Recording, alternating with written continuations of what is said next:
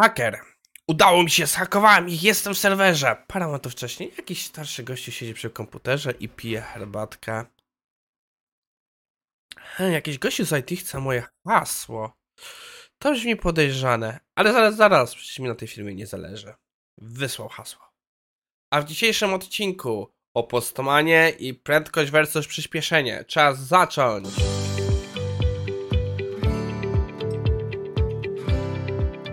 Cześć, nazywam się Maciej Wyrodek, a to jest IT Morning na 26 stycznia.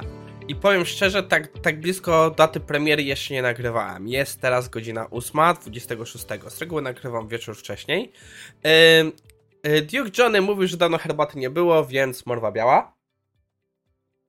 A jeśli chodzi o, o to, czym jest IT Morning, to jest zbiór ciekawych artykułów ze świata IT, które mają pomóc Wam rozszerzyć spojrzenie na, na właśnie całą naszą działkę biznesową. Ale żeby więcej nie przedłużać, przechodzimy do pierwszego artykułu, który przyznam się szczerze, mam bardzo mieszane uczucia.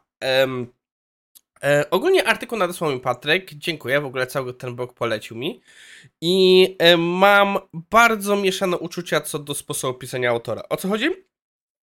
Zgadzam się z pewnymi jego analizami, ale jestem tak daleko od sposobu, jaki on się wyraża, że czytanie tego postu było dla mnie trudne. O co chodzi? Autor jest głęboko zakorzeniony w Camp Bolton i jak za jak zobaczycie automatyza automatyzację, to będzie automated testing w cudzysłowie i będzie mówił, że to jest automated checking i nie ma nic takiego jak w ogóle automated testing. Jeśli chcecie znać moje myśli na ten temat, gdzieś tutaj przypnę e, spojrzenie na to. E, to jest temat dla mnie już tak przegadany, stary, że mi się nie chce o nim dyskutować. Ale autor wchodzi tutaj trochę w swoje przygody z Postmana, związane z jakimś tam okresu swojego życia, z 2018-2019. W pewnym sensie można powiedzieć, że to jest review Postmana, ale zrobione no, na wersji, która już praktycznie jest niedostępna od dawna. I to nie jest tak, że post jest stosunkowo stary, jeśli dobrze pamiętam. A nie, jednak post jest stary, przepraszam. To muszę mu zwrócić, bo mi się zdawało, że post wyszedł w 2021, a jednak wyszedł w 2019, więc nie jest taki stary.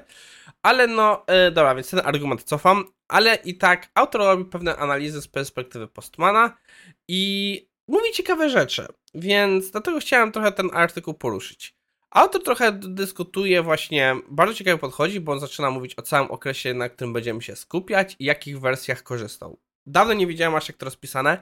Nie jestem pewien, czy kiedykolwiek, jak ja rozpisywałem jakieś narzędzie, aż tak dokładnie wchodziłem w numerację, z których korzystałem. E, I autor używał go do wykorzystywania właśnie requestów e, lokalnie w ramach CI/CD z Newmanem, ale ten artykuł e, kompleksuje, koncentruje się na na właśnie jego używanie go codziennie. I autor to, co powiedział, że mu się bardzo podoba, że narzędzie jest stosunkowo nieskomplikowane i bardzo radzi sobie z ograniczonym czasem. Autor bardzo mocno wchodzi tutaj w dyskusję na temat tego, że e, po prostu on był w projektach, gdzie ważne było szybkie dostarczanie i tego typu rzeczy, więc zależało mu na to, żeby po prostu było e, szybko być w stanie jakieś pewne rzeczy zrobić, szybko wyklikać i te rzeczy sprawdzić. I to faktycznie zgadzam się z nim, że e, Postman jest bardzo takich przydatnych. Autor mówi, że znajdował w ciągu dwa dnia, dwa, trzy e, jakieś znaczące bugi z wykorzystaniem Postmana i e, nie miał ciągle żadnych takich tygodni, żeby nie zdarzało mu się znaleźć błędów. I że miał dość stosunkowo dzięki Postmanowi szybki lub z deweloperami. I później zaczyna jechać po standardowym e, automatyzacji. Tu znowu delegatory term, przynajmniej w jego opinii, coding testers, aka follow QA engineers, że oni tak naprawdę potrafią się zatrocić w, no, w automatyzacji testów i że to trwa długo, bo Gherkin, Camber, e, jakiś program, język programowania i tak dalej, i tak dalej, i tak dalej. Trochę to jest e, inaczej. Zgadzam się z nim, że do szybkiego testowania jakoś potrzebujemy e, odpal i zapomnij. Postman jest o wiele lepszy. E, jednak e, on to tutaj powiedział, to jest setup. To jest setup, który się robi raz i o tym setupie w większości trzeba można zapomnieć. Z drugiej sprawy, ja jestem dalej zdania, że jak najwięcej automatyzacji powinno być na stronie deweloperów i jeśli oni to robią w momencie, gdy piszą aplikacje, to tak naprawdę to nie jest duży przyrost czasu. Ale to, czego tutaj właśnie nie wybrzmiewa, że e, takie podejście, gdzie mamy kodowe, działa o wiele lepiej w momencie, gdy, e, gdy e, musimy już te testy utrzymywać dłużej, musimy je zmieniać.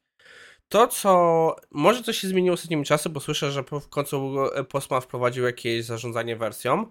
Największym dla mnie problemem jest to, że zarządzanie wersją Postmana, jeśli chodzi o nasze zmiany w testach, nawet jeśli trzymamy te rzeczy w repo, nie jest proste. Jest to tak naprawdę bardzo uciążliwe, sposób w jaki Postman to trzyma. I e, z reguły jednak trzymanie tej rzeczy w kodzie o wiele łatwiej nam pozwala zarządzać wersjami tego wszystkiego. Więc to jest coś za coś, ale żeby nie było na takie szybkie projekty odpal zapomnij, Postman jest dość ciekawy, chociaż nie jestem pewien, czy w wypadku tego, co on opisuje, Insomnia nie byłaby lepsza. E, autor dalej właśnie trochę tutaj wchodzi w różne takie rzeczy, że e, e, co, co było mu stosunkowo łatwo w to wpiąć CI i tak dalej, że bardzo fajnie się jest zadowolony z dokumentacji, jeśli chodzi o Postmana i że community jest rozbudowane i stosunkowo dojrzałe. Dalej coś tam o automatyzacji testów. Coś jeszcze tutaj miał taki punkt, który mi chodził po głowie, ale już mówimy 6 minut, więc no, Także jak widzicie ma dużo do powiedzenia o wadach, że jest stosunkowo wolny. Dobra, ale już ściągamy nasz czas, żebyśmy jeszcze pogadali o drugim artykule, o którym chciałem dłużej pogadać. Jak widzicie, mam tendencję do rantowania, więc zostaliśmy na tamtym artykule. Artykuł jest e, w pewnym sensie przywiązaniu fizyki do, e, do właśnie programowania, projektowania i ogólnie agile'a. Jak widzicie, mamy tutaj coś, co może od razu wyglądać dziwne, krowa w kształcie kuli, ale jak trochę znamy się na dowcipach fizycznych, to jest jeden z takich słynnych dowcipów, który się kończy właśnie tym, że e, wyobraźmy sobie, że mamy e, krowę w kształcie e, kuli, która emituje mleko we wszystkie strony. Jak chcecie, kiedyś mogę go powiedzieć w następnym odcinku. I ogólnie autor wchodzi w dyskusję na temat velocity, czyli prędkość, że tak naprawdę je, ona sama siebie e, jest sama swoim największym wrogiem i że powinniśmy myśleć o przyspieszeniu. I autor ma tutaj dużo ciekawych punktów do podniesienia. Zaczyna od takiej standardowej wyjaśnienia, czym jest prędkość i takie zadanie na przykład ze szkoły, że e, właśnie jaką odległość pokona krowa, właśnie wyszczelona z prędkością taką i taką, gdzie będzie za 4 sekundy. I jest narysowane, jak krowa strzela z bramki. Ale mówi, że to jest do bramki. I mówimy, że, ale mówi o tym, że to jest sytuacja jednowymiarowa. Problem zaczyna się tak, jeśli spojrzymy już z innej płaszczyzny i się okaże, że nasze wystrzelenie na początku było błędne. I znowu, ile mamy korekcji w projekcie w trakcie naszego życia tego projektu, to jest nawet sprintu jest to bardzo istotne. I autor tutaj właśnie zaznacza, co jest, że mamy ścieżkę, gdzie mamy błędy, gdzie mamy różne rzeczy, których trzeba omijać, no to tak wyszczelona krowa, e, o, zauważyłem, że też się ten przesuwa ciągle dostawczak, tak wyszczelona krowa już będzie miała problemy. I dlatego autor zaczyna dyskutować o przyspieszeniu. I mówi, że przyspieszenie to jest właśnie e, moc przez masę. E, siła przez masę? Przepraszam, dawno nie byłem na fizyce. E, oni używają F, czyli force, więc powiedzmy moc przez masę. E, I jak jesteście z fizyki, poprawcie mnie. I właśnie o tym mówi, że tak wygląda właśnie wyliczanie przyspieszenia. I e, to, co się dzieje, naszym największym problemem przy przyspieszeniu jest, że właśnie projekty jak rosną, to one rozwijają się, to dostają masa, że ta masa rośnie, rośnie i rośnie ale nie za bardzo mamy możliwości wpłynięcia na, na właśnie na tą moc. E, to dyskusyjne, bo można powiększyć zespoły i tak dalej, ale no po, ogólnie się z nim zgadzam. I autor mówi, że tak naprawdę jeśli chcemy mieć dalej wysokie przyspieszenie, to co to trzeba robić? To trzeba ograniczać masę, czyli między innymi walczyć z drugiem technicznym, oczyszczać naszą, e, e, e, naszą ścieżkę do produkcji, robić refaktor kodu, e, robić jakieś zmiany, jeśli chodzi o complexity i tak dalej, i tak dalej. I poza tym możemy wtedy nad kompletnie, dzięki przyspieszeniu, możemy kompletnie nawet zmienić kierunki. Bardzo się pod, po, e, podoba to podsumowanie. Jeśli chcemy zmienić prędkość, e, nie możemy. Chyba miało być przyspieszenie. Wydaje mi się, że autor chciał powiedzieć przyspieszenie, że jeśli chcemy zmienić przyspieszenie, nie możemy zmienić masy, powinniśmy, nie możemy zmienić mocy, powinniśmy zmienić masę. Jestem prawie pewien, że on e, mówił o. Miał nam się tutaj przyspieszenie. Okej, okay, e, zbliżamy się ku końcu odcinka. E, podsumowując, dzisiaj w pierwszym odcinku mieliśmy o Postmanie.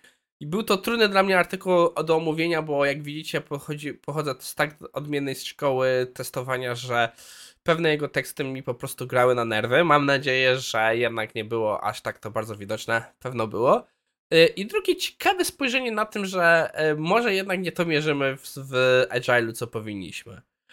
Podsumowując to wszystko na dzisiaj, jutro będzie możliwe, że taki odcinek półspecjalny znowu. Trochę mi się spodobał ten patent i jeśli pamiętacie, w poniedziałkowym odcinku albo wtorkowym padł termin passive testing i chciałbym trochę więcej powiedzieć o co chodzi i pod odcinkiem padło parę ciekawych komentarzy, które chciałbym wam pokazać. Więc do zobaczenia jutro.